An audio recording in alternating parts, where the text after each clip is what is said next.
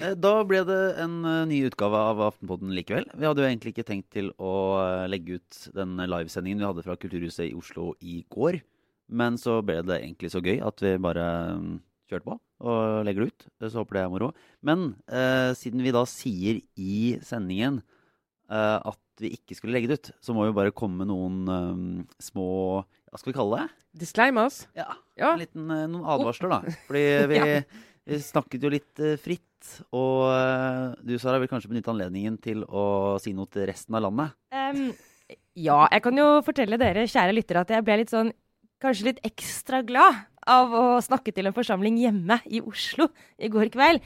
Eh, det kan hende at jeg kom i skade for å liksom overdrive. Jeg på en måte være litt, sånn, litt i overkant glad for å være i Oslo. Og kanskje litt sånn Jeg, jeg mener å huske at jeg muligens sa noe litt på kanten om at det ikke er så gøy å være andre steder i landet. Så jeg vil, bare, jeg vil bare si at bare tenk på det som en kjærlighetserklæring til Oslo. Og så vil jeg bare si sånn Resten av Norge, jeg er også veldig glad i dere. Og så, eh, Trine, tok du et, et oppgjør, kan vi si, Ja. med, med Arbeiderpartiet og, Ja, jeg og deres manglende selvironi? Ja, jeg, jeg, dette har jo vært et uh, gjennomgående problem for oss. Jeg fant ut at uh, det måtte vi snakke om. Så Ja. det, det tok jeg opp der, og uh, påpekte at det er det eneste partiet der vi sliter med å finne gøye, selvironiske mennesker. Så hvis noen hører det og blir lei seg, så, så kan ikke jeg beklage det. Da må jeg bare si skjerp, skjerp dere. Det, det gjelder å, å nå bunn, og så begynne å jobbe seg opp. Eh, og jeg, jo, jeg gikk litt hardt ut på et tidspunkt der mot Venstres kattekampanje uh, og biekampanje. Uh, og alt, all kritikk kommer fra, et, en, fra et, et viss, en, en form for kjærlighet. Er det ikke, er ikke det? Til katten, i hvert fall. Ja, ja. Jeg står for den kritikken også, men, eh, men det er den så.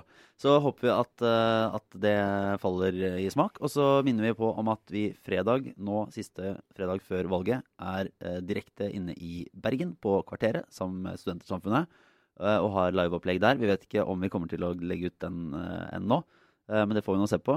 Uansett, her er eh, showet vi gjorde på Kulturhuset i Oslo på onsdag.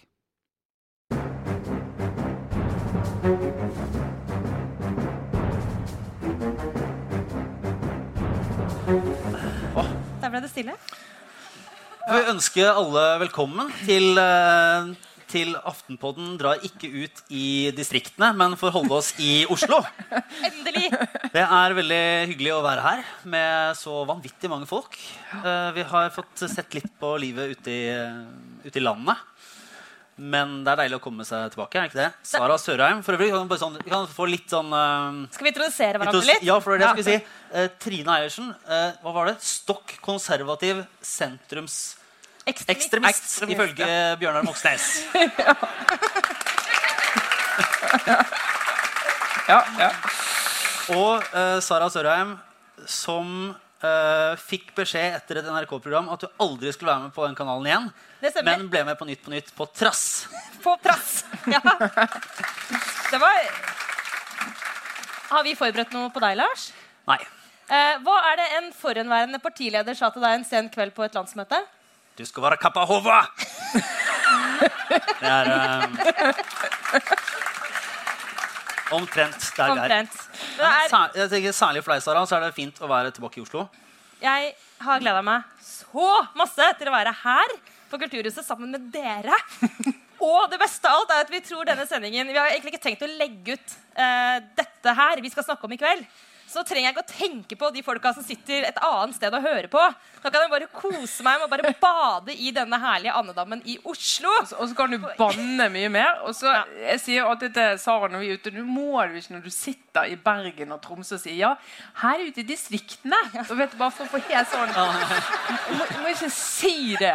sant? men det er greit. Her er det greit, Sara. Så jeg- vi, tar vi det etterpå i medarbeidersamtalen. Men Trine, dette er min Dette er min hood. Da er det du som er gjest. Ja, det, for det er helt skyld. riktig. Det er helt riktig. Hun er en helt vanlig jente fra landet. Ja. Ja. Skal vi se, har vi, vi har jo eh, planlagt dette sånn middels godt. Ja. Vi kaster det litt sånn sammen, som vi pleier å gjøre. Men eh, vi kan jo ta starten som en liten sånn terapitime på dette med, dette med valgkampen. Eh, for nå er det veldig få dager igjen. Og vi er jo en slags eh, valgkamppsykose. Det går i ett. Ja. Så jeg har reist rundt med Erna Solberg på buss og i fly og eh, overalt de siste dagene. Uh, og merker at jeg, kanskje er det, lov, det er lov å si at man gleder seg litt til det er over? Ja, ja, det er lov. Det er lov å si.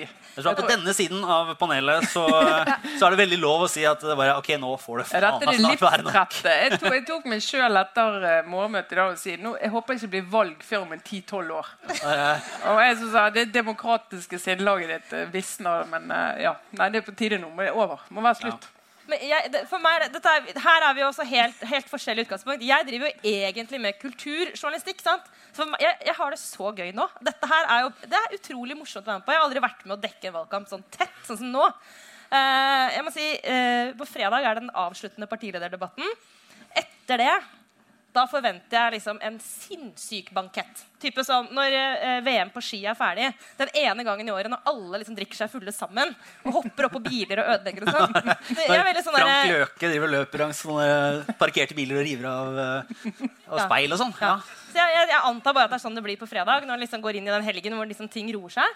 Uh, så jeg syns det her er utrolig morsomt. Uh, jeg gleder meg allerede til kommunevalgkampen 20, hva blir det? 20? uh, men, men det er jo også, eh, nå er det også sånn En ting er når vi som mer eller mindre blir livstretta av jobbene våre, men nå er det jo veldig spennende på ekte. da Sånn dette valget. Så vi kan vel røpe også at vi har fått litt hjelp eh, i kveld. Vi skal ha noen gjester. Fordi vi er jo litt i sånn psykose, men vi, vi må jo prøve å finne litt ut av hva som holder på å skje akkurat nå. Eh, og det er ikke så lett å forklare. Vi skal gjøre vårt beste, men vi skal liksom vi kan tease det nå. Vi skal ha med oss noen Ja. kloke hoder som kan hjelpe oss litt med reklamere litt, fordi vi satt i går eh, Vi begynte å planlegge i går, så vi har planlagt lenge. Mm. Og fant ut at vi skulle vi ha noen gjester. Ja, ja det skulle vi ha. I et øyeblikk av usikkerhet så tenkte vi kanskje det faktisk ikke er nok å bare være oss sjøl. Vi må ha noen gjester. Så tenkte vi, hvem er våre to førstevalg? Og så sa vi navnet på de, og så ringte vi til de, og så kunne de. Og ja, så da Det er bra folk som kommer. Ja. Jeg liker noe særlig at vi på en måte har klart oss å bygge opp det der helt uten at vi har dem parat. Nei, men det- Jo, den ene gjesten har kommet. er jo her. Ja, Der er, er den ene. Han andre, da? nei, han andre har ikke kommet. andre kan bare være. Ja, Men uh, så eh, helt suverent at eh, du kunne komme her. vet du. Komme fra Gjett hvem det er! Ja. Gjett hvem det er. Se der, Bård Vegar Solhjell. Hei.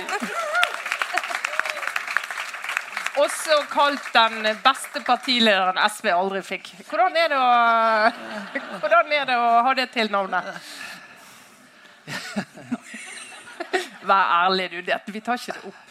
Nei, altså Ja. eh, altså Jeg er typen som syns det er greit å få skryt. Jeg, altså, det, og, også, ja. også faktisk blitt kalt uh, var det, Du mente at Bård Vegar burde vært kulturminister? Ja, ja. Det har jeg sagt til deg tror jeg, rett ut òg. Jeg syns vi har eh, innimellom til tider veldig dårlige kulturministre i dette landet.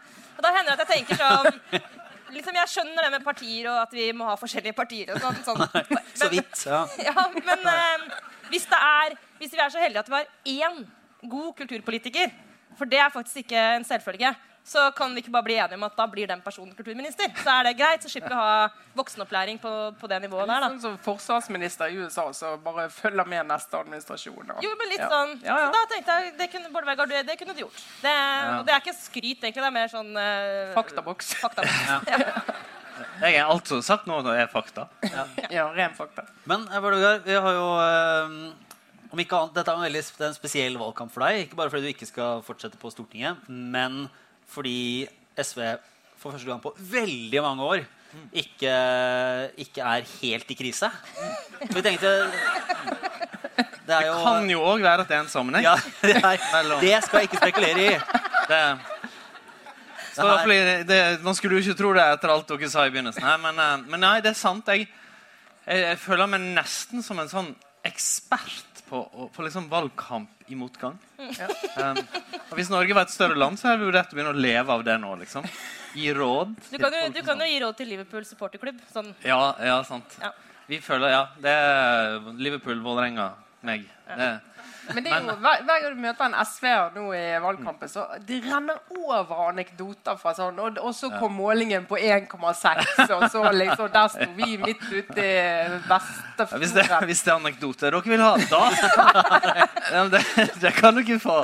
Nei, altså, vi skal være seriøse et øyeblikk, så eh, det er jo Husk at veldig mange av de som nå driver valgkamp for SV, både representanter, men særlig ansatte, og sånn, de har aldri opplevd at det går bra i en valgkamp. Så ja, men det er sant, altså. Det er sånn Folk har jobba der et par runder, det har gått nedover noen år nå. De har liksom, de er helt, Jeg ser på det, jeg bare tenker, jeg blir sånn der faderlig gammel. da. Jeg unner deg det her, min sønn.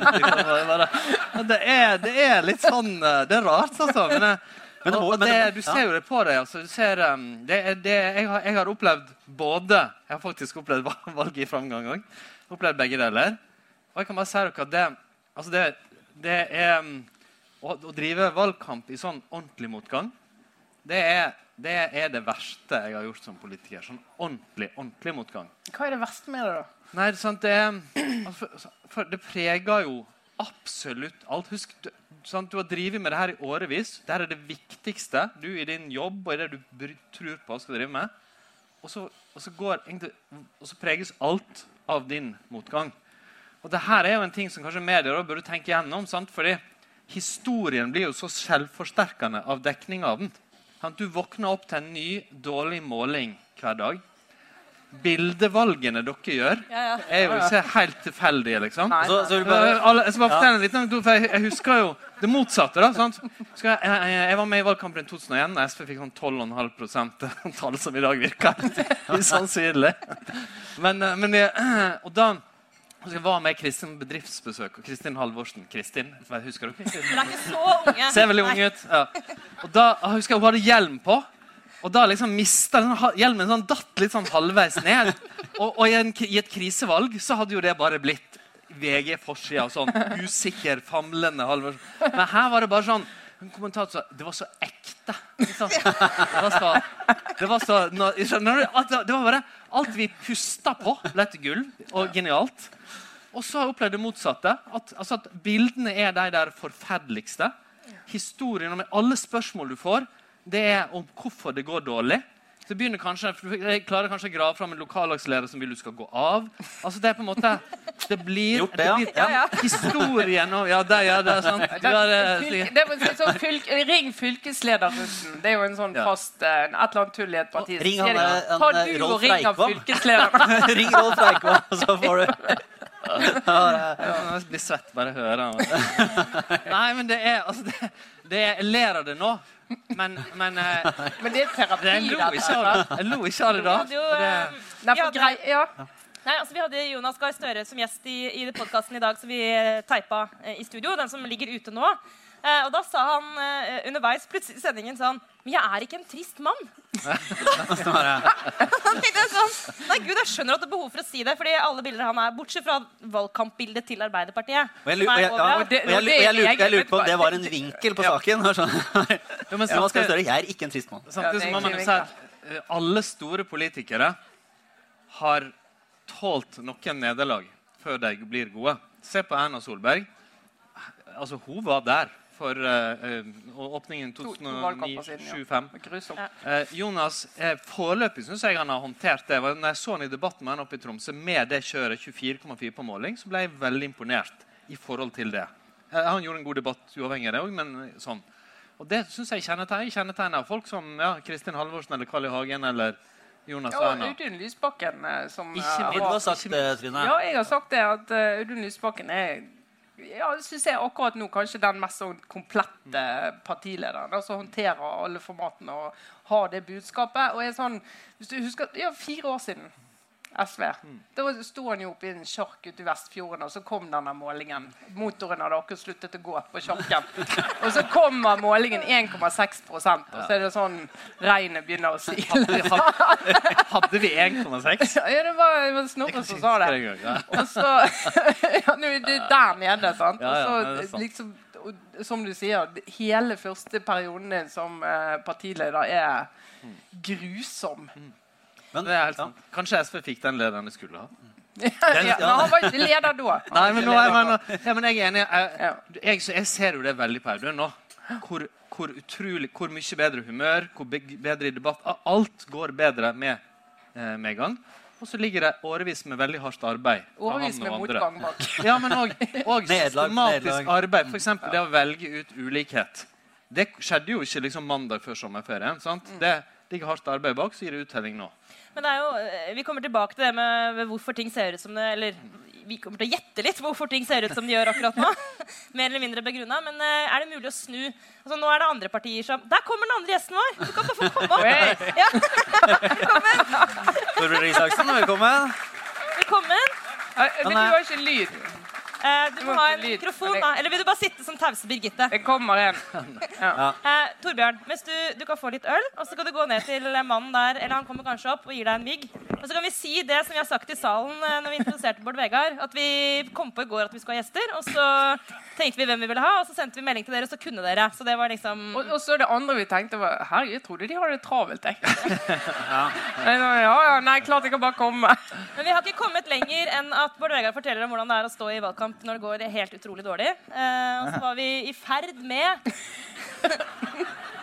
å sirkle oss litt inn på å gå videre, men siden du kom, så Det fine, ja, det fine vi når vi, da vi skulle velge gjester, så tenkte vi okay, vi, vi vil ikke ha gjester som ikke kan komme inn på under et døgns varsel. Nei. Jeg at det, Nei, jeg hadde så ikke kan noen du levere jeg med en gang, eller så planer, kan du jeg, bare så det var drite i det. veldig passa kjempebra.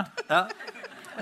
Men, eh, men eh, du kan jo eh, Vi har jo da gått gjennom litt sånn anekdotisk helvetesvalgkamper. Ja. Eh, Du har jo vært gjennom et par av de òg. Det har nesten bare vært dårlige valgkamper. Ja. ba, ja, altså jeg meldte meg inn i Høyre i 1996, eller noe sånt, og så gikk det bare da gikk det dårlig, og så gikk det bare enda dårligere nedover etter det. Så hva, Hvilken av de verste vil du høre om? Jeg kan fortelle én morsom fra 2000 og, eh, altså 2005 var helt forferdelig. Men jeg husker sist, faktisk. Eller så var det, to, nei, det var 2009. Ni var jo For da, var jeg med, da stilte jeg til valg hjemme i Telemark for første gang. Og så var jeg også litt grann av og til på stand i Oslo. Og sånn. Og da var det sånn, jeg kom i Oslo, så var det sånn Ja, jeg synes det går, begynte å gå litt bedre gjennom valgkampen. Da. Så da sa folk ja, eh, jeg skal vurdere å stemme Høyre. Må kvitte dere med det tullepartiet. Eh, Og det var i Oslo, og så var det Frp de mente. da. Og så var jeg hjemme i, i Telemark, og da sa folk også sånn Ja, jeg skal vurdere å stemme Høyre. Må kvitte dere med tullepartiet. da. Det var Venstre. Men, men Det er er, det egentlig- ikke, er det ikke sånn Det nå? oppsummerer det det meste. Ja, det er akkurat likt nå. Ja. Akkurat likt nå. Men, eh, det høres jo egentlig veldig bra ut. fordi at når folk sa det til meg på stand i den verste valgkampen, og kvitte med det tullepartiet, så mente det SV. Det der var jo en, en, en, Hvis det er det verste liksom, da Men det jeg skulle til å spørre om før Torbjørn kom, det var om det går an å bryte en sånn ond sirkel. En ting er om meningsmålingene, det er kanskje ikke så mye å gjøre med sånn de kommer og kommer, men hvis man har fått, Vi snakket om det med at Jonas eh, Gahr Støre sa til oss tidligere i dag at jeg er faktisk en, jeg er ikke en trist mann. Eh, og det der, når, du, når du kommer inn i den narrativet hvor du blir fremstilt som taperen, eh, eventuelt Altså, vinneren, I da, det det øyeblikket du må benekte at du er en trist mann, så er det noe trist over det. i hvert fall. Ja, det- ja. Men da er en, eh, altså Bård Vegar kan jo sikkert også altså Det som eh, SV har jo hatt en del dere har sikkert snakket om det i valgkampen hvor det har vært litt sånn eh, Nå går det Vi har vært innom det, ja. ja. Og det som er det verste, det er at når det, når det går dårlig, så er det ofte sånn at da blir alt man gjør, dritt uansett. For jeg husker SV skulle da liksom Nå reiser vi kjerringa, nå samler vi partiledelsen, nå skal vi ut på busstur, møte folk. Og så var det oppslaget snakke om det. VG kjører, SV kjører dieselbuss, forurenser som fy. ikke sant? Var det din sak, Lars? Jeg var med å skrive de sakene her, ja. Ja, det, er, det, er, det er grunnen til at vi ikke liker dere. Eh, eller vi likte dere i pressen akkurat da. Da jublet vi på høyre. Høyres jeg husker veldig godt vi satt bak i den bussen. da. Jeg, satt, jeg likte alltid å si baksetet. den. Og så hørte jeg om den der saken. Og liksom, ja, det blir kjempesak. Var du i VG på den tiden? Ja. VG. Da skal jeg bare, En av de andre sa bare Nå tar vi en øl, folkens. Ja. ja. Men det er jo ø, ø, Du spurte egentlig, Sara, om, det går an å Hvis jeg kan tillate meg å være alvorlig? Ja, det er faktisk lov. Ja. Eh, Vi må prøve å opplyse, tross alt. Det er jo vårt samfunnsoppdrag. Du spurte om det med å snu. Og det, det, og det som er sannheten, er jo at de fleste sånne trender man er inne i, særlig hvis de har ligget sånn underliggende over litt tid, er vanskelig å snu. Men det finnes jo òg en god del eksempler fra Norge, Norge noen år fra andre land at man har snudd dem. Eh, og et eksempel som kanskje henger litt sammen med at SV gjør det bra nå, det var jo at eh, SV i 2015 faktisk snudde en sånn trend. Altså, vi hadde 2,5% på målingene sånn to-tre uker før valget. da. Så kom flyktningene altså, Jeg hadde litt hjelp av opinionen. For så kom den perioden i norsk historie der folk hadde det mest positive syn på innvandrere ever. Fordi de så bilder fra Det var Syria- Nei, ja, ja Syria-flyktninger i Ja. i Hellas osv. så dro Audun Lysbakken ned. Apropos dra, dra til andre land. For å, Helt Helt Jeg har aldri sagt noe. Jeg, har- jeg har aldri kritisert det.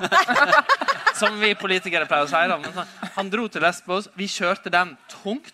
Liksom tenkte fanken heller. Vi bare endra strategi. Og så klarte vi å liksom, så vidt lande oss inn på 4,1. Du tror Det det var litt- derfor? Jeg tror, jeg tror, altså, det, kan, det var nok òg en sånn mobilisering som følte en del av Arbeiderparti-velgere stemte SV. og sånn. Men den større prestasjonen enn folk tror, fordi det normale for SV er at vi går ned de siste dagene og uka i valgkamp. Det var en sånn snuoperasjon. Og det fins en del andre eksempler. faktisk også. Der, eh, jeg tror eh, Bård Vegar har rett. Eh, det er vanskelig å snu. Men så er det også noen veldig klare tegn på partier som gjør det dårlig. Og Det første tegnet det er at de lekker i flere ender. Det vil si at alle som sier sånn, nå må, nå må vi gå til høyre eller til venstre. Da Høyre gjorde det veldig dårlig, så lakk vi masse til Frp, masse mot Arbeiderpartiet. Så Det er det ene. Det andre er at ja, ikke sant? Altså.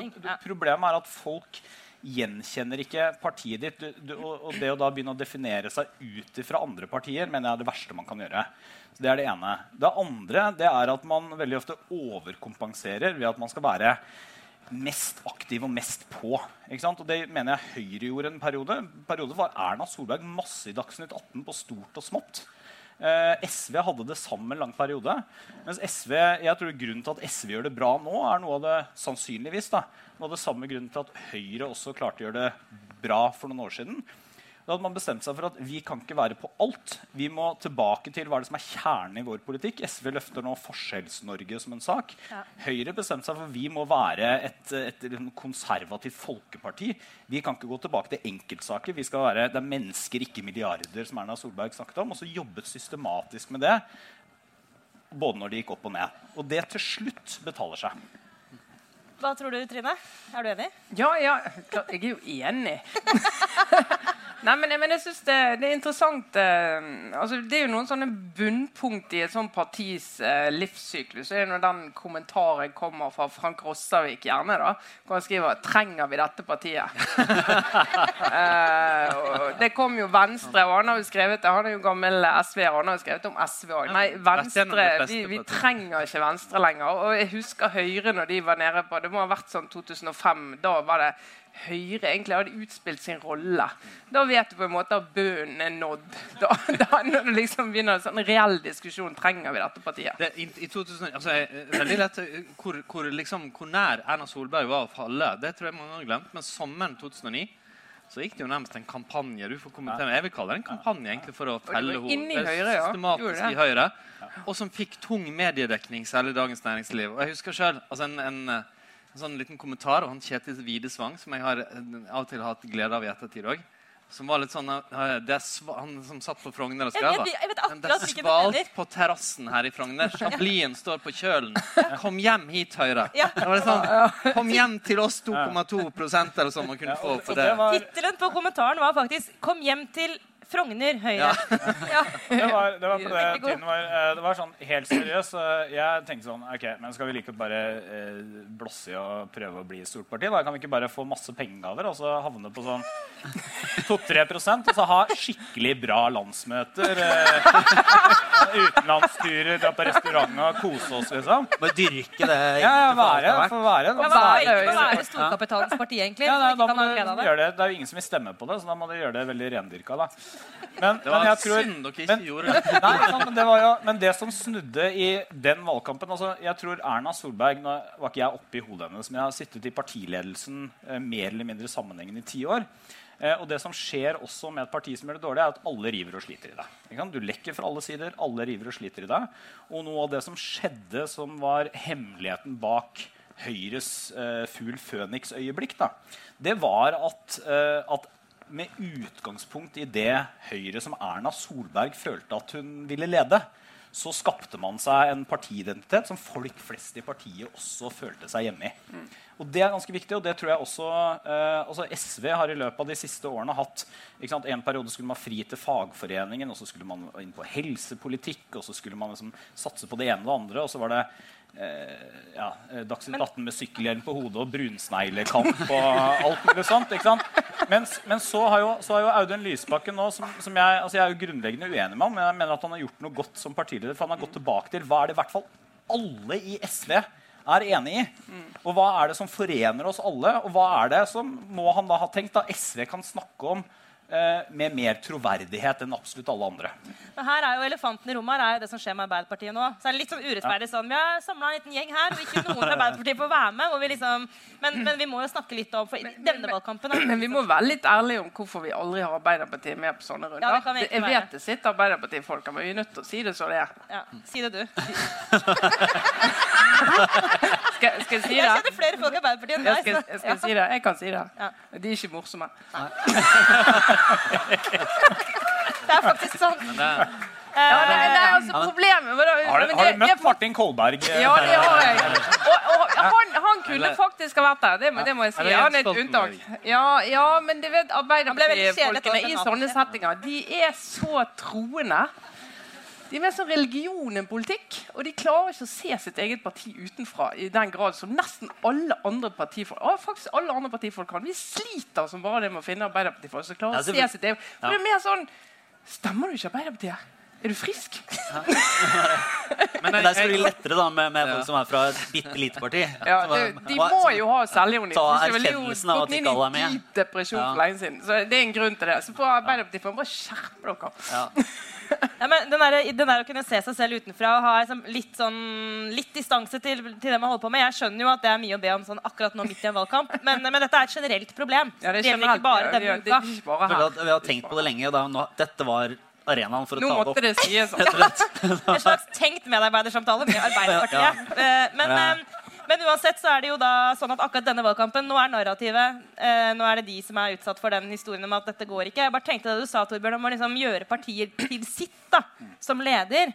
Det, det merker jeg litt på at det er vel det som kanskje er noe av utfordringen til Jonas Gahr Støre som partileder. At det virker ikke som om det er en helt sånn eh, Jeg synes ikke Kanskje det er litt urettferdig å si, for det er litt vår feil at det har blitt sånn. Mener jeg vi i mediene, for det er en historie vi forteller. Men det er at han skal være sånn helt på plass i den eh, Håkon Lie-skjorta. Sånn helt sånn Dette er mitt prosjekt. Han er fortsatt litt han som kom etter eh, Stoltenberg. Og det var kanskje ikke mulig å unngå. Men, men det der eh, nye prosjektet, altså hva er Arbeiderpartiets prosjekt akkurat nå, det er jo litt vanskelig å fange. Han forklarte jo i dag da, skal sies med Håkon Lichskjorta, at han, var, han, han som andre har fritidsklær.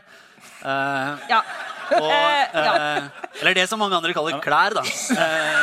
Eh, de som ikke går i dress hele tida. Ja, det- Vet du, Hvis du først har et skille mellom klær og fritidsklær, så har du på en måte egentlig ikke Da, da går du mest i dress. Eh, Dress og, dress og fritidsdress har eh, mange av oss. det, her, det var et ganske godt eksempel på det jeg sa til å med. Fordi hvis det gikk veldig bra med Arbeiderpartiet nå, og så kom Jonas Gahr Støre og sa med fritidsklær, så hadde alle syntes det var en fin trekk med han. At han hadde fritidsklær i tillegg til å han gikk med dress alle, hele tiden. Sånn. men det har du nok Så nå smiler vi litt av det. Ting som jeg forklarte det var før du kom, Tobbe, men ting som ellers kan bli veldig søtt og fint, blir liksom negativt og rart når du har litt motgang. Ja. Men jeg, altså hvis en personlig oppfatning av det med Arbeiderpartiet og Jonas eh, nå, så tror jeg jeg tror det er to ting som skjer. Det ene er at det vi elsket med Jonas Gahr Støre i 2007, liksom på en eller annen måte er snudd til det er noe man stiller litt spørsmålstegn ved nå. Hva du på husker dere Super-Jonas? Norges mest populære politiker. Kan alt, snakker fransk, flytende, ordner opp litt her, litt der, alt det der. Eh, Det var, altså, det, det var det jeg, jeg, Når jeg sa vi, så mente jeg sånn meg personlig, nødvendigvis, men det var liksom dere og Norge eldste. på en måte. Han var jo mer et symbol enn et menneske. Ja, og det har liksom blitt akkurat som den, den personen er den man nå på en eller annen merkelig måte liksom føler litt avstand til. og det er noen pengeplassering av brygger og alt sånt som suser rundt der. Men det andre det er det vil jeg kalle eh, nesten en sånn normalisering. Fordi det som har skjedd i, i land i nesten hele Vest-Europa, det er at de sosialdemokratiske partiene over litt tid har gått ned. Så stemmene gått til mindre fragmentering, da, mindre partier rundt deg. Eh, og det, hvis det er det, hvis målingene nå blir om lag som valget, så tror jeg man kan si sant? Senterpartiet går opp Du mener kanskje omvendt, men jeg liker at du har så tiltro til målingene at eh, Altså hvis valget blir omtrent som målingene Ja, unnskyld. Ja, Ja, ja. hvis målingene blir omtrent som valget. Ja. Det er bra. Eh, det som Ja. Unnskyld at jeg avbrøt, for det var et Nei, godt nei, det, det, Ja, det var veldig godt poeng. Så MDG går opp, SV går opp, til og med Rødt litt, Senterpartiet. Sant? Så er det mange, mange forskjellige valg. eh, valgmuligheter gjør at folk søker litt til de tydeligere alternativene på ulike felter. Det er ikke så helt ulikt det Torbjørn fortalte om at jeg risla ut. Um, um, men jeg, den andre tingen som skjer på målingen, og som skjer i den valgkampen her Igjen, vi vet jo ikke om det blir sånn eh, på valgresultatet. Men, men det er jo den jeg syns kanskje er mest interessant hvis det skjer. Og ja, jeg liker det ikke, men ja. Og det er at Vi kan komme i den situasjonen hvis målingene er rett, at juniorpartiet i regjering tjener på sitt i regjering, mens sjefspartiet i regjering, altså Høyre Om jeg kan kalle dere det? Det er litt uklart hvem som er sjef. Men hvis, det, hvis vi legger det til grunn, går ned det, det er ekstremt uvanlig. Det er jo sånn at Regjeringspartier Jeg er statsviter ved siden av å være politiker. det er. Regjeringspartier sliter nesten alltid. Men det største regjeringspartiet eh, klarer seg ofte ganske godt. Med små regjeringspartier, mind you Det har ikke du eh, det, det finnes òg her mot eksempler. Grønne i Tyskland og andre ting, men ofte går det dårlig. dårlig. Per nå på målingene så ligger Høyre systematisk under valgresultatet sist. Frp ligger nå på eller rett over valgresultatet. Men det er jo, altså, det er jo litt uh, interessant, som vi også snakket litt med Jonas om i dag på den sendingen. Dette her er, jeg synes det er parallelt til avisland. Du har Aftenposten og Bergens Tidende og Stavanger Aftenblad, den type aviser som er sånne allmennaviser som favner veldig bredt på innhold og synspunkt. Og sånn. Uh, og så har du nisjeavisene. Og så ser vi plutselig at eh, noen begynner å si til oss at eh, hvorfor gjør ikke dere sånn som Klassekampen? De Ja, vokser hele tiden. Og se Morgenbladet, de vokser hele tiden. Og sier vi herregud, vi kan ikke bli Klassekampen. Da går vi konk om 14 dager. Vi klarer ikke å lønne noen. Eh, så vi kan ikke bli Klassekampen. Vi er nødt til liksom Og så er den parallellen til Arbeiderpartiet vi snakket om i dag. Eh, så kan man si at Arbeiderpartiet er typisk sånn og Høyre er jo litt det samme. Sant? Litt det partiet som skal favne over de store, vanskelige problemstillingene. Eh, Eksempelet velferdsprofitører var jo det vi snakket om i dag. Og han sier at Hvis du er helt ute til venstre, så kan du liksom bare si at nei, overskudd og profitt i velferden det skal vi bare slutte med. Så det skal vi ta knekken på. Men så han sier vi kan ikke si det, og vi mener det heller ikke. Vi er nødt til å si at eh, ja, det, må, det skal være mulig å tjene penger, skal være mulig overskudd der, selvfølgelig. Og så må vi gå inn og se på de veldig store overskuddene, og så må vi prøve å gjøre noe så ikke de blir for store, og da må vi stille krav til innhold. Og bare det resonnementet der forsvinner helt. Sant?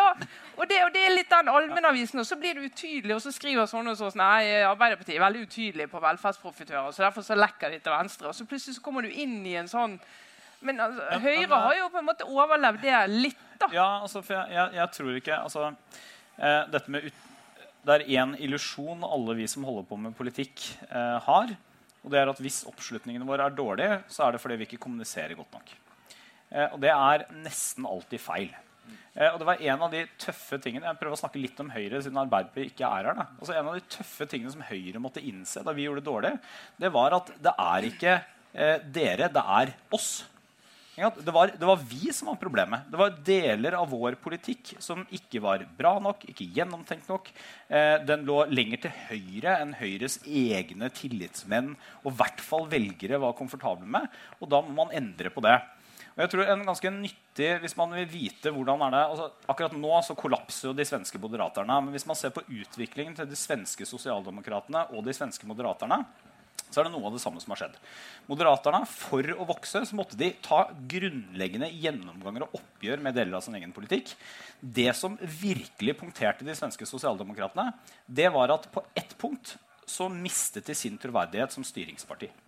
Eh, og det, jeg tror, Dette berører også Arbeiderpartiet. Jeg tror det Arbeiderpartiet alltid har hatt i norsk politikk, som har vært mer verdt enn nesten alt annet, det er troverdigheten som styringsparti. Og det er den du ikke får gjennom dag-til-dag-overskriftene. Den får du gjennom det langsiktige, møysommelige Men hvorfor har den da blitt borte? i Nei, altså Den har ikke blitt borte med en gang, men jeg mener at det mest oppsiktsvekkende nå er at de siste dagene, ukene, så har Arbeiderpartiet også kastet det inn i kampen.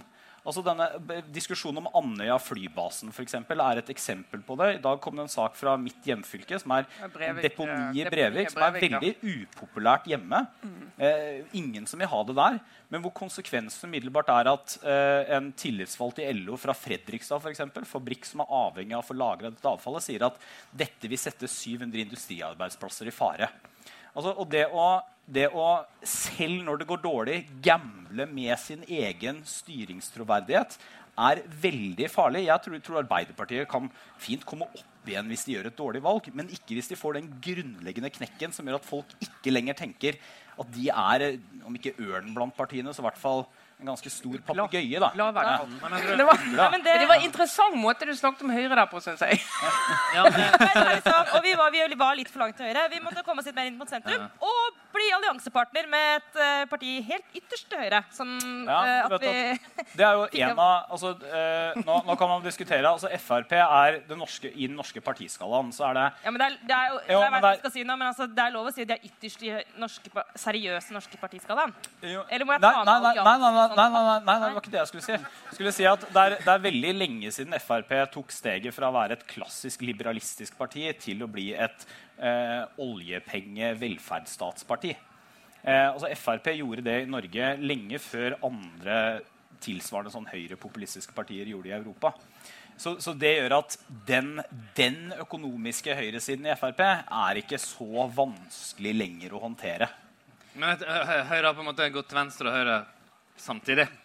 Det er det som egentlig er litt suksessen. Dere har, det er jeg mener det er riktig. Ja. De tar ikke opp her, Torbjørn. Det blir bare de bare se, da. 300-400 her som får vite det. Men det var jo akkurat det som ikke var mulig. litt sånn retorisk-politisk. Og så alliansepolitisk sant, så har de henta inn Fremskrittspartiet, eller begynt å samarbeide med Fremskrittspartiet samtidig. Og det har, det tror jeg, da. Det har gitt de styrke, eller, det, har- det har styrka dem, tror jeg, at de la kursen litt mer i moderat retning sjøl. Men i tillegg, så for å, da, for å vinne makt, da, så var det nødvendig å ha stemmene til et parti som står for ting som er ganske forskjellig sånn verdimessig. Fremskrittspartiet er der. Men det var en annen ting jeg skulle plukke opp. Du sa, for det, Høyre, eller nå under Erna og, og SV, som du snakket om i stad, har valgt litt forskjellige strategier. Eh, og dere gjorde betydelige politiske endringer. Audun eh, jo- har egentlig valgt en annen strategi. Han hadde valgt egentlig en strategi der vi skal stå veldig mye på det vi har. Vi skal stå på den gamle, gode, gjenkjennelige SV. Eh, og, så, og i mange år ble det litt sånn Ja, det funka ikke så godt. Og så har det nå fungert veldig godt eh, nå i valgkampen. Og mitt poeng med Det er at altså, det er mange veier til å gjøre det bra. Det finnes tror jeg, ingen sånn enkel suksessoppskrift eller sånn fast ting. Um, og, og det, det ser du at det, det, det gjør politikk så vanskelig å drive på en god måte. rett og slett. Så har du den, bare for å si det, det med de, eh, noen ting du, hva du kan styre, og hva du ikke kan styre også. For det er, som du var inne på, Bård Vegar, det er, disse, altså det er noen sånne makrotrender. Eh, det er noen sånne akutte situasjoner eller hendelser, sånn som flyktningkrisa eksempel, som slår inn i norsk politikk. Og så er det selvfølgelig økonomiske konjunkturer. Uheldigvis for Arbeiderpartiet så gikk det plutselig mye bedre. Vips, så var liksom strategien litt vanskelig. Men du har også, eh, jeg tror også det du har det er litt vanskeligere å se, men det faktum at de store sosialdemokratiske partiene sliter nå over hele, mm, overalt, i hvert fall i Europa eh, At det kan være en sånn tendens nå Kanskje blir dette valget Det var vel egentlig Nå stjel jeg ditt poeng, Lars, fra den lille forberedelsen vi hadde. Men dette kan bli valget der hvor småpartiene Det kan bli et slags sånn eh, tidsskille hvor vi ser at de små partiene gjør det overraskende bra og utfordrer de store, de to store partiene på en måte som vi ikke har sett før. Ja, jeg, Torbjørn har- hvis jeg får lov, for jeg eh, tror Torbjørn har feil analyse om det med styringspartiene. Jeg tror tvert imot du ser nå at både Høyre har vært, blitt et styringsparti igjen, er klart å reetablere seg. Arbeiderpartiet har fortsatt å være det. Eh, noen kan si prøvd å være, men altså valgt den linja under Jonas Gahr Støre. Men det fragmenterer litt på begge sider. Ikke så mye på høyresida. En ekstremt populær statsminister. Høyres hovedbudskap i valget er jo Erna. Også, eh, men det, allikevel, Frp styrker seg, mens det er mye tydeligere til sentrum-venstre. Hvis du ser på velgerovergangene, så er det jo ikke kjempestore velgeroverganger fra Arbeiderpartiet til Høyre i forhold til summen av det du har, til har hatt det siste halvåret til Senterpartiet, MDG, SV. Men, Rødt, eh, men dette, dette bare- altså, bare for å eh, vise at dette kan man snakke om eh, lenge, lenge, lenge. Eh, altså, det som er, det som er, det som er stålsett dere. knekt- Ja, det som har knekt de sosialdemokratiske partiene i Europa, er jo at den tradisjonelle arbeiderklassen har blitt borte. Ikke sant? Særlig, ikke blitt borte, men de stemmer noe annet. Altså, særlig i Frankrike så ser du det veldig tydelig. Også i andre land. Eh, Arbeiderpartiet har ikke opplevd tilsvarende. Det er ikke sånn at Den tradisjonelle arbeiderklassen i Norge nå strømmer til MDG. De strømmer ikke til SV. Helt andre typer velgere. Det er mer urbane eh, byvelgere. Kanskje en del også eh, sånn type eh, altså offentlig sektor-velgere. En del av de. Men, eh, så Det er det ene. Det andre er at eh, for Nå glemte jeg faktisk poeng nummer to. Poeng nummer tre. Det var utrolig bra. Så Ja, inn. Ja. Den øvelsen dere, meg og Torbjørn nå driver, den øvelsen som dere må bli kjent med det som ikke er det. Politiker driver, nei, driver politikk forkledd som analyse. Men, eh, jo, men så er det så, eh, Men så er det for, for eh, altså dette med styringsparti For Det er helt riktig at eh, Arbeiderpartiet har ikke, har ikke til nå altså For en uke eller halvannen siden så begynte det også å gå en del velgere over midtstreken. Nå husk at Utgangspunktet er allikevel at Arbeiderpartiet eh, hadde et dårlig valg i 2013. Eh, veldig mange velgere gikk da over midtstreken, stemte Høyre. Og de viktigste velgerne vi prøver å nå nå, det er jo ikke de som stemte Arbeiderpartiet i 2013. når Det gikk skikkelig dårlig. Det er de som stemte Høyre i 2013. Ja, det er de velgerne jeg jubler når jeg er rundt og banker på dører. Så er det sånn ja, Jeg stemte Høyre i 2013. Litt usikker nå. Det er ikke jeg stemte Arbeiderpartiet sist. Jeg lurer på om jeg skal bytte. Ja, ok, interessant. Jeg bruker kanskje to minutter på det, men det er, eh, det er ikke det viktigste. Så, så jeg Hva er det tror første eh, spørsmålet du stiller? Det er bare alltid lurt på når du er på husbesøk. For Nei, jeg kom fra Høyre. Vil du ha litt, eh, lurer på om du vil ha litt valginformasjon? Er det det du sier? Og hvis det ser ut som det er noen som kan tåle en fleip, da, vet du, så sier jeg 'eller propaganda'. Så Men altså, skjønner du veldig kjapt om det er en velger å vinne eller ikke? eh, Nei, altså det, det er bare de jeg snakker litt lenger med. Eh, rett og slett. Og det gjør man ikke med de fleste. For eh, det, det er ikke, målet er jo ikke å stå og prate 20 minutter med alle. Målet er å finne de som har spørsmål til Høyre, som har noe de har lyst til å ta opp. Eh, og de som bare har, eh, sier at 'nei, men få en brosjyre', greit. De, ja. Jeg ser for meg de som er, sånn, de som er sånn kjempeivrige. Som får den der, Ja, kom inn! Og så Ja. sitter du sånn prater i to og en halv time. Jeg skal ha kaffe. Og så bare, det er det du må gjøre hvis du er Ap-velger nå eh, og vil sabotere Høyres valgkamp. Så er det å invitere Høyre-folk på døra inn. Bare det at du kaller det husbesøk, er spesielt sånn leilighetsbesøk. På ja. Det er liksom Hjem. Ja, nå, nå skal jeg bare gi litt, litt piece of information. Fordi at jeg har en avtale med. Aftenposten om at jeg sånn ca. ti over åtte, som er litt for litt siden, skal få lov til å gå i en jeg sier deg, en 60-årsdag. Eh, Jeg er ikke der. Eh, Så jeg, så jeg må forlate dere og sier takk for det. var hyggelig å være med. Ja. Eh, da skal vi si bare sånn eh, Takk for alt du har gjort for norsk politikk. Eh, ha det bra. Siste. Den, eh, den neste gangen vi kommer til å se Bård Vegar Solhjell nå, det er sånn Tidligere SV-topp slakter SV-forslag. Det er din fremtid nå. Det ringer ikke Rolf Reikvam lenger. Så vi, det en ting, nå, nå må du ta et sånt eh, strategisk valg for deg selv. Ja. Eh, Fordi eh, nå er det, Vi skal sitte litt, vi har, vi har noen tema som vi ikke har snakket om. Og det er ikke fordi at du nå sitter der alene. For vi har ikke rukket å snakke om Listhaug ennå. Det kan vi bare si at det er vi nødt til å snakke litt om. Ja, Og så skal vi bare berolige, for vi det sto egentlig at vi skulle holde på Altså Vi har satt opp veldig lang tid. Vi kommer ikke til å holde på i to timer. Det er bare Nei, Pust nei, lettet nei. ut. Vi er ferdig lenge før den tid. Så bare Prøver sånn- dere å be meg om å gå, Nei. eh, så er det bare å si fra eh, om det, altså. Vi prøver bare å si Nei, at jeg hvis vil at du skal være her når vi Ja. får om eh, skjønner Ja. du. ja, Du men vi nesten- prøver bare å si at du kan finne på en 70-årsdag hvis du kjenner at du Eh, ikke jeg, liker med. jeg, skal, eh, jeg skal i debatt hos eh, NRK, eh, så jeg må Ja, men det er jo lenge til. ja, det er en Ja. stund til. Vi vil gjerne ha deg med så lenge du Fordi Var det én ting som, eh, som vi har hatt eh, rett om i, i podkasten vår? Det var at i første, første utgave etter sommerferien så sa vi det at eh, egentlig så er det ingen som er interessert i å snakke om innvandringspolitikk. Men Sylvi Listhaug vil det. Ja. Og da kommer det til å skje. Ja. Eh, og hun har jo blitt den dominerende skikkelsen i den valgkampen her. Ja. Eh, tvunget det fram gjennom eh, eget initiativ og retorikk. Ja. Det er jo masse, masse initiativ i den eh, statsråden, Torbjørn. Ja, med god hjelp av pressen, da. Ja. Det må jo sies det, og jeg tror uh, dette vet sikkert alle som sitter her, men altså uh, saker med Sylvi Listhaug får Nå vet jeg at Aftenposten sier sånn vi bryr oss ikke om klikk lenger og sånn, men de uh, skaper voldsomt engasjement, veldig mange klikk.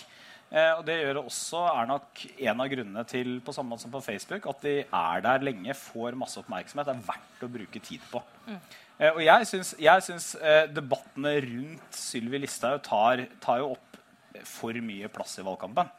Eh, og så er det akkurat nå så er det ganske vanskelig, fordi at det er en, det er en sånn eh, eh, altså, Diskusjonen om Sylvi Listhaug har blitt så betent at den nesten ikke er mulig å ta lenger. Fordi folk har så ekstremt sterke meninger på begge sider. Ja, men det har vært, Så, ja, ja. jeg kjenner litt på, fordi eh, Så, men vi går må inn våge å liksom- ta debatten, Debatten om, om, om. Ja. Og det gjør vi her. Det er mitt kontroversielle standpunkt. Ja, det, ja. Ja, for det var akkurat det jeg skulle gi meg i kast med faktisk nå. Den er, eh, la oss for guds skyld ta metadebatten først. Men jeg skal, jeg skal gjøre litt kort. Altså, men det er akkurat det med den, det at det blei sånn i denne valgkampen. Nå har Vi snakket om, vi snakket om Arbeiderpartiet. Det, er en, det har vært en, et heftig innslag i denne valgkampen. Og vi snakket om det at småpartiene ser ut til å gjøre det veldig veldig bra. Den så vi kanskje ikke De, komme. de partiene på den siden, ikke på den siden. Ja, altså venstre, det, eh, Til venstre for midtstreken, Ja, småpartiene. det kan hende vi kommer inn på KrF, som kanskje faller under sperregrensen i år. Ja, det kan være. Ja. Men så er det en, bare en, en ting til som har preget valgkampen. er at det har vært, en, eh, altså, det har vært få politiske saker og vært utrolig mye retorikk. Eh, veldig mye sånn, karakteristikker og til dels stempling av motstandere. Og eh, ja, det begynte jo med den derre altså, Vi skal ikke bruke tid på det nå, altså, den der norske verdier-debatten. Og da burde vi kanskje Jeg Ødela ferien vår, Sara. Jeg ødela hele 2017 altså, Jeg ble fortsatt sur. Jeg tenkte Ja, ja, men så, det, det var det bildet av Ola Borten Moe og Linda Hofstad Helleland ute på tunet oppe i Trøndelag. Og tenkte nei, Vafler, ja. nei, nei. Det var det verste som kunne skjedd. Ja. Bare, takk, nå har dere ødelagt hele høsten. Det var bare det der.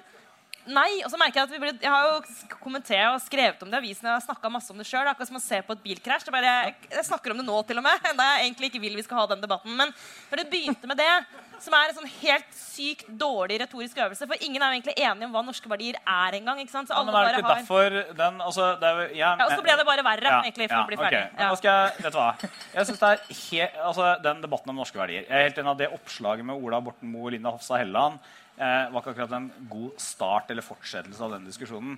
Men jeg synes det er helt påfallende at samtlige ja, liksom, kommentatorkorpset i de store eh, nyhetsmediene bare avfeier den debatten. Og det, og det, det tyder på én ting. og Det tyder på at man har et kommentatorkorps hvorav veldig mange eh, mener og har akkurat den samme innfallsvinkelen til det spørsmålet. Eh, og, det er, eh, og det er For meg så er det en bekreftelse Vi behøver ikke bruke mye tid på det, men det er en bekreftelse på at det er en mangel på ja, ja, altså, Vi har masse tid. Jeg skal ikke gå for fem på ni. Eh, det er en mangel på, det en mangel på eh, type konservative stemmer i den norske offentligheten.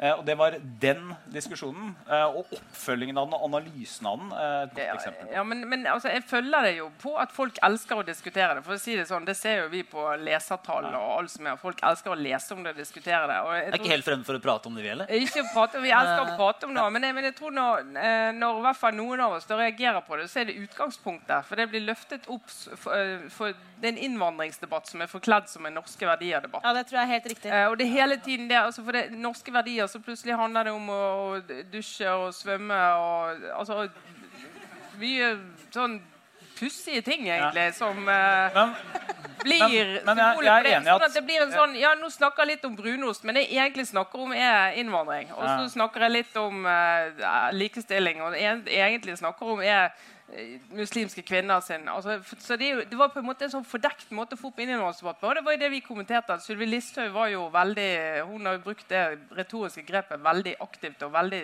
tydelig. Rett før din partikollega Linda Hofstad Elland og Ola Borten Moe Pussig konstellasjon for øvrig. Eh, møtte opp på tunet der, og så, og så sitter de også og surrer med det der. Og så sier vi at ja, for Frp er det en stor gave å få denne debatten, for det er en forkledd innvandringsdebatt. Hadde vi hatt en norske verdier-debatt, så vi hadde når vi diskuterte kanon og alt det der i fjor, Ja. så er det en helt annen overbygning. Da går det an å eh, diskutere det, men nå så er det det. Men jeg er uh, uenig. Eh, altså Jeg er ikke uenig i at det åpenbart er sånn at grunnen til at eh, det blir et voldsomt engasjement bak det, har mye med innvandring og har mye med både legitim og grumsete rasistisk fremmedfryktbekymring for innvandring. Eh, og det ser du et godt eksempel på dette. ganske slående. Eh, det tredje mest delte partiet, Nettavisen har sånne oversikter over det, tredje mest delte partiet på Facebook er Demokratene. Altså, men Eh, saker om Ja, partiet som blir nei, delt? nei, altså saker fra et parti. Demokratene er det partiet som har de sakene som blir dest, delt tredje mest etter Høyre og Arbeiderpartiet. Eh, Demokratene kommer aldri til å komme inn på Stortinget, tror jeg. Men de skaper et voldsomt engasjement fordi det handler om innvandring. Så det er jeg enig i. Men samtidig så er det Det man ikke ser i denne diskusjonen, det er at dette er en diskusjon som for veldig mange går mye lengre enn det. Altså Den handler om langt større ting. Bare for å ta et anekdotisk eksempel. Hva er grunnen til at diskusjonen om skolegudstjenester skaper så voldsomt engasjement i Norge? Og det, det, det er sant. Eh, Her inne, vil jeg tro, også hvis jeg skal vurdere forsamlingen her, så er dere alle eh, sekulære, høyt utdanna bymennesker som syns skolegudstjeneste er noe forbaska tull.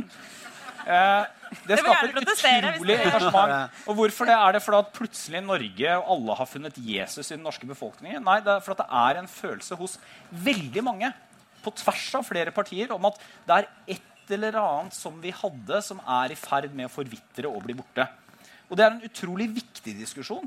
Og det er en, utrolig, det er en veldig avgjørende diskusjon at vi tar også for å få det mangfoldige, flerkulturelle Norge til å fungere. Og den diskusjonen blir veldig ofte avfeid fordi at man henger seg Ja. opp i at eh, det liksom blir Grunnlaget for at, eh, ja, for at Sylvi Listhaugs uttalelser og hun klarer å dominere valgkampen, er fordi hun går inn i de debattene, men på premisser og på en måte Altså, som egentlig ingen andre vil være med på. er, det er to grunner. For det første sier hun av og til veldig kontroversielle ting på en veldig lite klok måte. Og det andre grunnen er at mediene eh, følger etter henne som veps. var det hun selv hei, henger litt sammen, tror du? Ja, det, ja, ja, det henger nok litt sammen. Men her er greia. Også når hun ikke egentlig sier noe kontroversielt, Ja. Så, Så blir det, så blir det liksom en sånn malstrøm av eh, og hei. Men- og det er grunnen til at, ja. altså det, grunnen til at, det er, eh, at, det, at hun er liksom den mest polariserende figuren i norsk politikk. Hvor man enten elsker eller hater, er jo også grunnen til at det er nesten umulig å ha en fornuftig diskusjon. For at de som hater Sylvi Listhaug, nekter å tro at hun kan si noe som er moderat og ikke vondt ment. Og de som elsker henne, mener at alle er ute etter å ta henne. Men hun var i en debatt i Bergen i går med KrF eh, blant andre, der eh, alle de som skrev om det, skrev at hun var helt, helt ugjenkjennelig. Og så moderat og så bakpå og så rolig. Så det ikke én kontroversiell ting. Så da ble det en sak. Ja. men, men, men, men, eh, men, men en av grunnene da, til at sånne som oss følger hun og det hun sier, det handler jo om det, det store bildet på borgerlig side og samarbeidskonstellasjonen. Altså, vi vet jo at Venstre og KrF og velgerne deres er utrolig opptatt av det. Eh, og så kan, du, så kan du kritisere de for at de har briller på når de leser det og hører det hun sier, og hører det kun på en måte. Men det er jo en realitet at det er en utfordring for samarbeidet. Altså det, Ja, ja. det, det kan du på en måte det, Ja, ja, Snakker altså- du med venstrefolk, så sier de jeg orker snart ikke stå på stand der folk kommer bort til meg og sier Ja, altså jeg er ikke Arbeiderpartipolitiker, så jeg kommer ikke til å prøve å late som det ikke er en utfordring. Eh, for det, eh, altså, eh, selvfølgelig er det det. Altså, det. Det er masse venstrefolk masse KrF-folk som mener at det er vanskelig, og de peker En del i Høyre. veldig Og ja, og, og, og en del i Høyre. Eh, som mener at det er vanskelig, og det er da retorikken det går på. Ikke sant? Samtidig så er det jo sånn at politikken bak er, eh, er det relativt bred enighet om. altså at vi skal ha en, eller ja, relativt, Det er opposisjon til det også, men, men vi skal ha en streng innvandringspolitikk, og innstrammingene vi hadde, var nødvendig. Og det er også sånn at eh, altså jeg, har ofte, altså jeg har sagt mye av det samme som Sylvi Listhaug har sagt, og ingen har brydd seg. Bård Vegar har jo sagt mye av det Ja, ja, samme altså, som Bård Vegar har sagt- Og da blir det frem, da er nye tanker. Ja, og det, men det, jeg tror grunnen til, for eksempel, så har jeg sagt i mange år at uh, en høy innvandring over tid ikke er forenlig med eh, den norske velferdsstaten. Uh, og det mener jeg dypt og inderlig på, på flere forskjellige måter. Men jeg tror grunnen til at det ikke skaper det samme engasjementet, er både for at jeg sier det på en kjedeligere måte, eh, men også for at jeg av og til også sier noe annet. Eh, og Ja, det, og, det er der- kanskje grunnen til at man blir polariserende. Og, det, og det er også noe jeg mener eh, Sylvi eh, burde tenke mye mer på. Det er at av og til må du også si noe annet som er balanserende. Er Derfor var det bra. Du etterlyste jo at hun skulle ta altså Det er jo et minstekrav at man kan ta et oppgjør med hets mot faten som går med hijab. Eh, det gjorde hun. Det var bra. Ja, fordi Det synes jeg, det er en av grunnene til at for det, altså Jeg irriterer meg over at veldig mye av de to tingene vi har snakket om nå, den norske verdidebatten, en ting, men særlig Listhaug, så har denne valgkampen handlet mye om retorikk. sant? Ikke sak, men retorikk. Men problemet er jo også at akkurat når det gjelder um, denne, altså innvandringsdebatten så Det som provoserer meg med den måten hun kommuniserer på for jeg er enig, Det er ikke nødvendigvis så stor forskjell sånn i, i politikk. Det er relativt bred enighet om eh, innvandringspolitikken. men jeg, får den mis jeg mistenker at hun vet nøyaktig hvilket hav hun fisker i. Sant? Det er tilbake til der dobbeltkommunikasjonen rundt sånn, Snakker vi om brunost, eller snakker vi om brune mennesker, egentlig? Og det er den der, det er- det er jeg kjenner, er derfor jeg også på en måte er enig i at den retorikken er farlig. Og det syns jeg eh, akkurat nå preger norsk politikk. at eh, jeg får lyst til å altså Sylvi Listhaug fremstår på en måte som en politiker som er sånn Ja, reine ord for penga. Men jeg tenker det er ikke reine ord. Og hadde det vært reine ord, så hadde denne debatten vært mye bedre. For da kunne vi diskutert litt mer sånn altså, Si hva du egentlig mener. Og Men, men ta denne diskusjonen, for det, dere startet jo med diskusjonen om Ola Borten Moe og Linda Hofstad Helleland. Eh, og så fiska jeg det samme havet. Ja, ikke sant? Men det, det er ganske det altså bare, eh, For mange så virker det som en selvfølge. Selvfølgelig, dette fisker i det samme havet. Dette er jo bare tull. De snakker om, Det var en som skrev i Aftenposten, også en kommentator. Man snakker om, eh, om eh, brunost, men egentlig er man bare redd for brune mennesker eller for andre kulturer. eller noe sånt. Nei, det tror ikke jeg. Jeg satt på trykk. Har jeg det? Ja, og det var noe som lignet i hvert fall. Jeg skrev en uh, kronikk om det. Ja. Jeg tror du hadde ferie, Trine. Jeg tror det. Trine. ferie. Ja, ferie. Men, men poenget er at uh, det er uh, ikke sant? Og det er, det er det jeg mener er Jeg mener at det er veldig symptomatisk. Og det gjør at det er altså, Blant Høyres velgere for eksempel, så er det på spørsmålet er norske verdier under press eller truet. Jeg husker ikke formuleringen VG hadde. 30% svarte nei, 40% svarte ja. Høyre er et typisk parti som er delt på midten i dette spørsmålet. Blant Senterpartiets velgere massivt ja-flertall. Arbeiderpartiets velgere også stort mindretall som sa ja, press eller truet. Man vet ikke hva det innebærer. Men å ikke eh, altså det, at, det at den debatten da skal liksom avfeies, og alt er dumt og teit, og dette må vi jo skjønne. Og da snakker jeg ikke om liksom, hver eneste uttalelse Sylvi Listhaug har. Men det er en utrolig skadelig og dårlig holdning. Og Ja, men det hva som gjør det eh, bedre? Altså, det er ikke sånn, ja, altså, Ja, men men bare noen andre må prøve å ta den ja, hvem, altså, Vi må kanskje være litt sånn, vi må kanskje også prøve litt, da, og ikke bare sitte og sutre. Men det er sånn, ikke bare eh, deres feil. Altså, det, dette men, er men, mener, Takk skal du ha. Ok, men fall, jeg mener, Nå er vi straks ved valget, så det er noen få dager igjen. Jeg i hvert fall Enn så lenge så, så kan innvandringsdebatten i Norge Den har forbedringspotensial. Ja, men, men, denne, altså, men det, la oss være enige om det. da Å ta liksom gode, grunnleggende, viktige debatter om eh, Norge og hva slags type samfunn vi er og skal være og har vært, altså den type litt mer prinsipielle debatter, egner seg ikke så godt for de siste to ukene før et valg. Det er sånn du kan leve av nå hvis, dere, hvis, dere, altså, Ja, hvis du faktisk ja, skal, skal gjøre noe annet. Så kan du holde lange foredrag. Millionlønn for å ta den type debatter. De lange linjene. Ja. Ja. Men når, okay, det, når ja. det er sagt, så tror jeg at dette er en sånn debatt som man bare kan fortsette å summe ut i, ut i tiden. Jeg ville egentlig hatt mer tid til å debattere Venstres kattepartistrategi, som jeg syns er vel så provoserende som noe annet jeg har eh, opplevd i den valgkampen. Eh, men jeg lurer på eh, om vi skal runde av. Skal vi ta den siste runden om sånn, eh, det mest sløkka tingen i valgkampen? For det er litt gøy. før vi er ferdig. Mest Jo. irriterende. Det mest, ja, da tar jeg ja, Det er faktisk delt.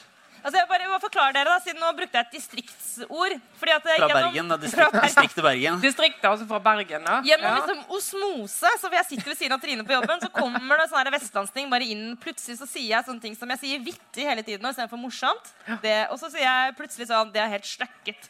Og for et år siden visste jeg ikke hva det betydde. Jeg vet ikke om dere vet hva det betyr? Jo. Ja, teit. Ja. Men det er et utrolig effektivt og godt ord. Jeg skjønner det også når en vestlending sier til meg sånn Det der er helt sløkket. Så bare OK, det var ikke bra. Jeg må skjerpe meg. løyeord. Løyeord, ja. Ikke?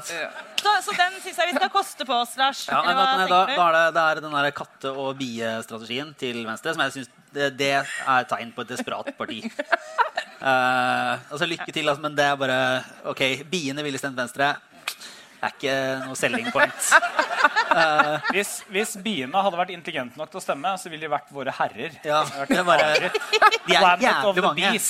Ja. Det er helt grusomt. Uh, men det er faktisk enda kleinere. Mulig jeg bare stjeler noe fra det andre. Men det er den derre SMS, Ja. liksom-SMS-utvekslingen mellom Knut Arild Hareide og Erna Ja, det Solberg var var. Faen, for en hjernedød idé. Det var jo Altså, Der før du Ja, men den, den, applaus. Ja. for, for det var jo Det var jo helt naturlig, det, Torbjørn. Nei, men vet du hva? Nå skal du, nå skal du høre. Vet du hva? Jeg Nei, satt, ikke kom Jo, her nå, skal, nå skal jeg avsløre noe fra regjeringens indreliv. Altså, jeg, jeg, eh, altså, det første er jeg vet ikke, men det jeg opplevde Jeg satt utafor, vi hadde regjeringskonferanse.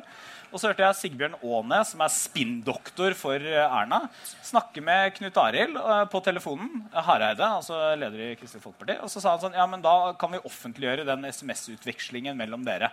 Så jeg vet ikke om det var noe Sigbjørn hadde liksom pønsket ut på bakrommet, men det jeg vet, det er at det var flere som sa sånn «Ah, Hareide skriver bokmål. Det er veldig rart. Han skriver nynorsk vanlig. Alle SMS-ene jeg har fra Knut Arild Hareide eh, Dette er dårlig for han hjemme i Hordaland, da, selvfølgelig. Ja, men de vet, de er på bokmål. Han er en og det- bokmålsmann. det- Og, og signerer alle sammen. med navnet sitt under hver gang. Han eh, skriver ja, vent da, La meg, jeg skal finne det fram nå. M- dere- M- ja, ja. se. Gidder du også se finne der. fra Erna? Se om hun skriver sånn Hilsen Ja, ja. Jeg vil, jeg, vil, jeg vil til å moderere meg litt, grann, hvis, hvis du leser opp den siste, og det står sånn Han signerer med uh, Skal vi se uh, Skal du bare lese den siste? Thanks. Lykke til. Knut Arild. Nei. du finne en fra Erna? De har eh, Og så kan jeg lese et bare utdrag fra, et, eh, fra en annen. Ja. De har, der er litt av alternativ. De har støttet et firerkrav som i praksis er helt likt regjeringens krav. krav. Knut A. Det var litt mer Så der, ja. Ja, litt Det var nei. effektivt.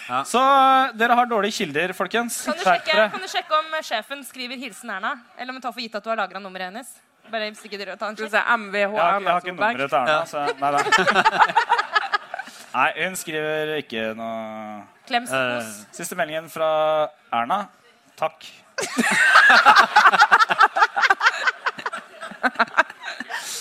Eh, det var egentlig min, eh, det var min favoritt også, Lars. Eh, Har du en annen, Trine? Nei, jeg skulle snakke om ting som eh, jeg har bli- jeg har blitt eh, Du kan ha blitt glad, engasjert da. i. Ja, ja, ja. Ja, kan bli glad, men så er jeg engasjert i, da. Ja.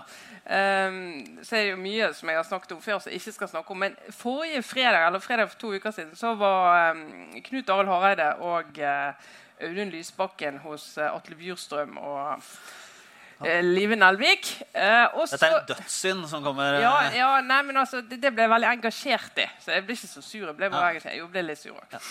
Og så sitter de to gode vestlendingene. Sant?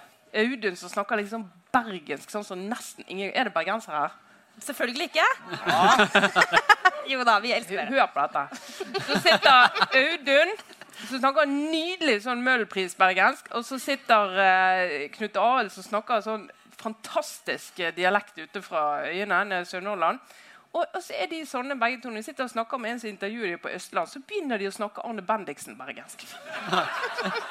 Og det, og det ble verre og verre og verre. og verre. Og jeg, jeg ble helt sånn desperat. Så bare tenkte jeg, jeg, jeg må sende tekstmelding seg. Nei, skal vi se, nå tross alt litt i rolle. Politisk redaktør i Aftenposten skal gi en tilbakemelding til eh, to partiledere. Så kan jeg kanskje finne på noe annet. Så jeg skal la det ligge. Men så traff jeg Audun i går når han skulle på på sending i NRK, rett før han skulle på faktisk sa Audun, jeg må bare si en ting til deg. Du må slutte med den Arne Bendiksen. Og så visste han skulle få om ca. 45 sekunder. Så, den, du må slutte med Arne Bendiksen Bergens. Du kan ikke vise deg i Bergen hvis du snakker sånn som det. Det går ikke an. Du må, du må konsentrere deg. Prøv. og så gikk han på sending, og så gikk det utrolig bra. Ja, men det, Hæ? Gladsak. Men Trine, det var eh, ikke takket være deg. Altså, det kan du Jo røpe da, det var da han konsentrerte seg. Jo, men det der, sånn 30 sekunder for sending det er sånn, eh, I Aftenpostens indre liv så er Trine sånn Alle er glad for en tilbakemelding. Bare sånn Ikke, ikke nødvendigvis.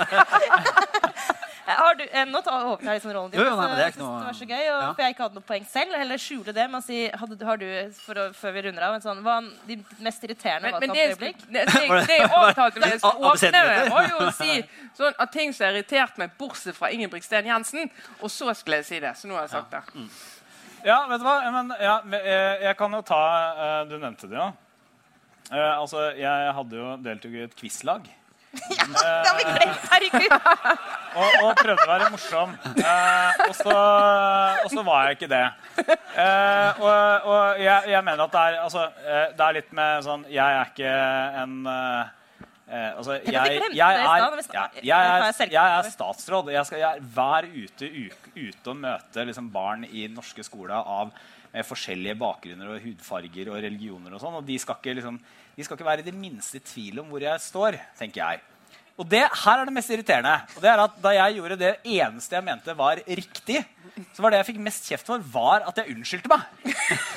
Fikk så mange sure kommentarer sånn Jeg har har hatt sans for Røe Isaksen etter at han unnskyldte seg her. Nei, for en feiging. Har ikke ryggrad og sånn. Nei, Kom igjen. Kom igjen. Så de ble krenket fordi jeg unnskyldte meg for noen Ja, men som husk at Uansett hvor krenka du er, så fins det en hvit mann rundt 50 som er mer krenka. Ja. Aldri ta feil. Men eh, med det rett og slett så tror jeg vi runder av og oppfordrer alle til å henge rundt og ta seg en øl. Og, Nå trodde jeg du skulle si oppfordrer alle til å bruke stemmeretten. Ja. Nei, nei. Oppfordrer alle til å få den valgkampen unna. Og så Hvor, mange er det som har forhåndsstemt her? Interessant. Se her, ja. Ganske, ja, det er flere. Det er jo kjørt, da. Det er rekordmange Dette hjalp ikke så mye, da. Nei, men det er rekordmange forhåndsstemmer i år. Det er ganske spennende, for det, kan, det får nok større utslag. Det betyr at innspurten blir stadig mindre viktig i norsk politikk. Veldig spennende. Men vi snakker Veldig- Jon. veldig spennende. Vi, eh, Jonas sa i dag at innspurten er utrolig viktig. Det er nå det skjer. Så det, jeg vet ikke om det er håp eller uh, Men jeg kunnskap. likte når Ja, han altså, satte øya i oss og sa sånn Dette valget vinner vi. Og da, da, da tenkte jeg Ja, sånn det var ene gangen. Andre gangen han sa Du vet Per- hva Per Fugelli sa? Og da tenkte jeg ja.